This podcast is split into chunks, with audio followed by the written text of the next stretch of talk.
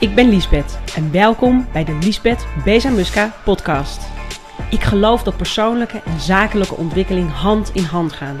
En aangezien ik een ervaringsdeskundige ben, deel ik in deze podcast graag mijn lessen en mijn inzichten met je, zodat ook jij je verder kunt ontwikkelen. Hey, welkom. Welkom bij een nieuwe episode van de podcast. Ik sluit letterlijk uh, vijf minuten geleden mijn live-uitzending af. Het is uh, woensdagavond. En we hebben het deze week over content creëren. Hoe dat makkelijker kan. Hoe dat kan op een manier zoals je jezelf bent. En maar vooral ook hoe je dat dan makkelijker kunt verspreiden. En dat zijn drie, ja, in mijn ogen, superbelangrijke onderdelen van content creëren.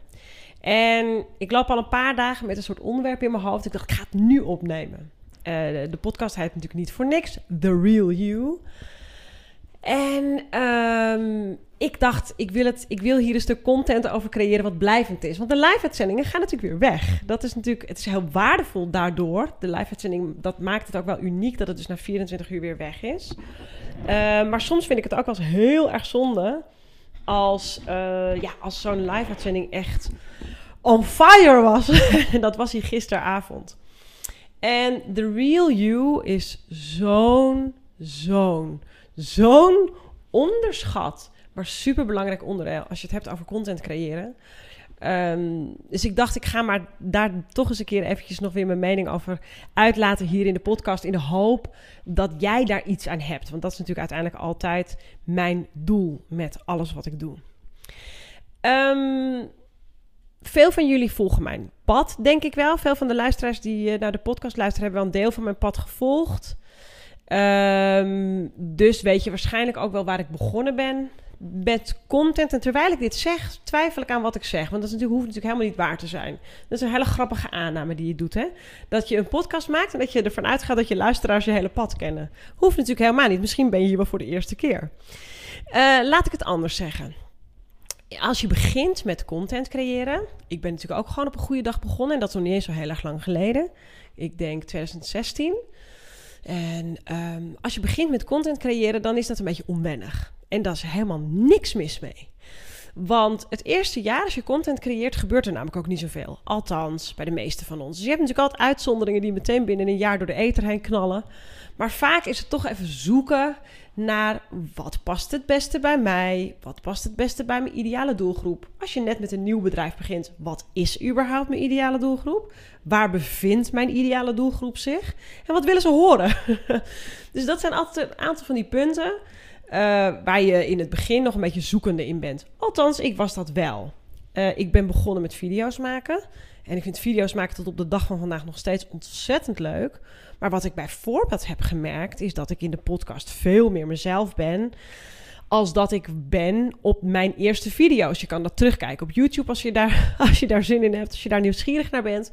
Ook om het verschil aan te geven van Stel, je luistert altijd alleen maar naar mijn podcast. Je hebt nog nooit een YouTube-video van me gezien. Stel, dat zou kunnen. Ga eens kijken naar mijn oudere video's die ik maakte in het begin. Dat waren gescripte video's. En als je helemaal doorscrollt naar beneden, naar de eerste vijf uh, afleveringen, schrik je helemaal drie slagen in de rond. Ik laat het ook gewoon lekker staan, want ik vind het juist wel interessant dat zo'n heel pad te zien is voor andere mensen die ook starten. Uh, in het begin maakte ik dus gescripte video's en in feite ben je dan alleen maar aan het zenden. En het meest waardevolle van content is juist natuurlijk dat je de interactie aangaat. dat mensen gaan reageren op hetgene wat je doet. Want waarom is dat nou zo waardevol? Ten eerste ga je dan natuurlijk gewoon een gesprek aan. Maar ten tweede heb je het ook over een stukje vertrouwen wat je gaat winnen bij mensen. Als je mensen van waarde voorziet, hè, ik geef altijd heel veel tips en adviezen en ik geef heel vaak, ik, ja, ik doe niks anders eigenlijk dan vertellen hoe ik het doe wat ik heb gemerkt wat werkt en wat niet werkt. En daaruit trek ik gewoon mijn leringen en, uh, en, en op die manier geef ik eigenlijk weer mijn adviezen door. Bovendien uh, werk ik natuurlijk ook voor bedrijven. Dus, uh, en, en inmiddels ook al, al uh, best wel weer intensief werk ik ook één op één met ondernemers. Dus inmiddels heb ik niet alleen mijn eigen pad als voorbeeld, maar ook een heleboel andere paden. Maar Um, die interactie is dus niet alleen dus belangrijk om het gesprek aan te gaan, niet alleen belangrijk om het vertrouwen te winnen, maar ook vervolgens om erachter te komen um, welk gedeelte wat bij jou een gevoelig punt is, uh, daadwerkelijk ook een snaar raakt bij je ideale doelgroep. En daarmee je dus misschien een onderwerp kan uh, oplossen voor iemand hè, met wat jij te bieden hebt. Dus waar zit, en dit klinkt dat een beetje heftig, waar zit de pijn bij je doelgroep? En dat, als je daarachter kan zien te komen door middel van je content, waar de pijn zit van je uh, doelgroep. En dit doe je dus door de real you te zijn. Daarom wilde ik het hierover hebben. Dan kom je op, in mijn ogen op zo'n mooi stukje uit waar misschien wel je genius ligt. Want je genius, dat kan voor heel veel ondernemers nog wel even zoeken zijn. Natuurlijk, je bent specialist in hetgeen wat je aanbiedt als ondernemer. He, dat is, uh, je bent specialist in, in het product wat je verkoopt of de dienst die je aanbiedt of noem het maar op. Maar om in je social je genius te vinden, dat is echt voor veel mensen nog wel een dingetje. En ik ben er echt van overtuigd dat iedereen hem heeft, die genius. en dat je er dus uh, ook echt naar op zoek mag gaan. Ik zeg expres niet moet, want um, ik weet dat er heel veel mensen zijn die dit een, uh, nou, een worstelend punt vinden. Um, hè, van ja, maar moet ik dan op social? Of moet ik dan met mijn hoofd? Nee, niks hoeft. Er zijn uh, meerdere wegen die naar Rome leiden. Je kan ook hele mooie content maken voor je bedrijf zonder dat jij daadwerkelijk in de kijker komt. Realiseer je alleen wel dat het een heel stuk sterker is als jij erbij komt. En als je the real you kan zijn in dat stukje waar jij erbij komt, dan is de kans groter dat je die genius vindt. Maar er zijn natuurlijk ook mensen die. Kijk, eh, eh, ik nogmaals, ik ben begonnen met video en ik vond dat heel erg leuk. En vind het nog steeds heel erg leuk. Ik ben er dus achter gekomen dat ik voice ook heel erg leuk vind, oftewel podcast. Maar um, ik heb bijvoorbeeld nu ook een jaartraject er bij mij, die heel groot is geworden door middel van bloggen. Luister jongens, dat gebeurt nog steeds. Er zijn ook mensen die illustreren, die dus door middel van tekeningetjes, uh, weet je, daarmee uh, verder komen.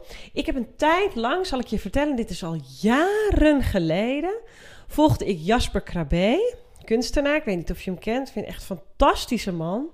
Ik heb hem een aantal jaar gevolgd. Hij maakte een daily drawing. En uh, die daily drawing die deelde hij. Of, of, dat nou op zijn website was, ik weet het niet eens meer. Maar ik bekeek dagelijks het tekeningetje wat hij deelde. En ik vond dat een hele leuke manier van iemand volgen. En dat is, ik, op die manier kan je gewoon je genius vinden. Natuurlijk, hij was kunstenaar, dus het was ook logisch dat hij dat tekende. Maar hoe mooi dat je de continuïteit kan opbrengen om dagelijks een tekeningetje te delen. Zo ook natuurlijk, als we nog een ander voorbeeld kunnen noemen.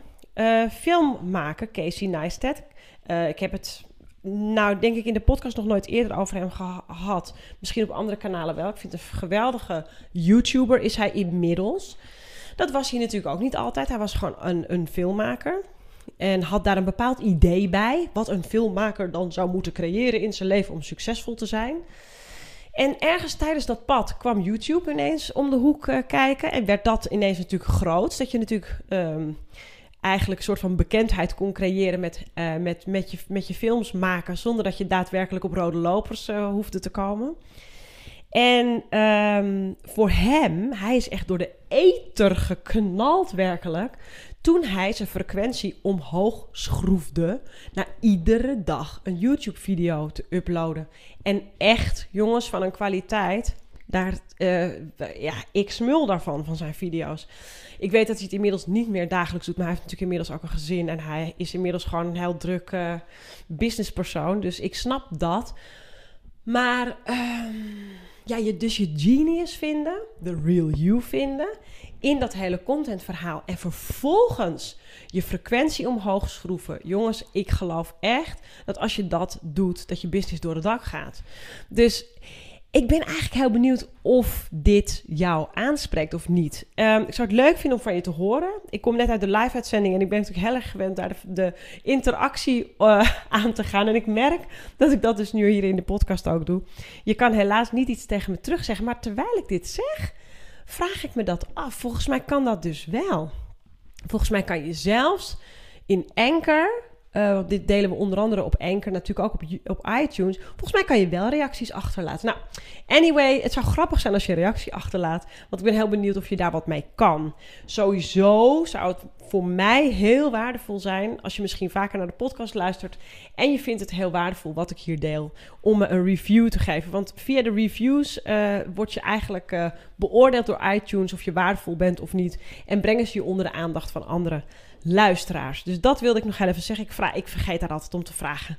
En ik vind het ook onzin, want ik hoef er ook niet altijd om te vragen. Maar bij deze, een review zou altijd heel erg welkom zijn. Dit was mijn, uh, ja, mijn bijdrage over de Real You. Ik hoop dat die bij je aankomt. Ik wens je verder een hele mooie dag vandaag. Ik weet natuurlijk niet waar je uithangt. Ik ben altijd uh, bereikbaar voor vragen of voor opmerkingen. Je kan me het beste bereiken of via e-mail info@liesbethbesamuska.nl en anders via Instagram. Stuur, me, stuur je me een DM. Tot de volgende episode van de podcast. Bye!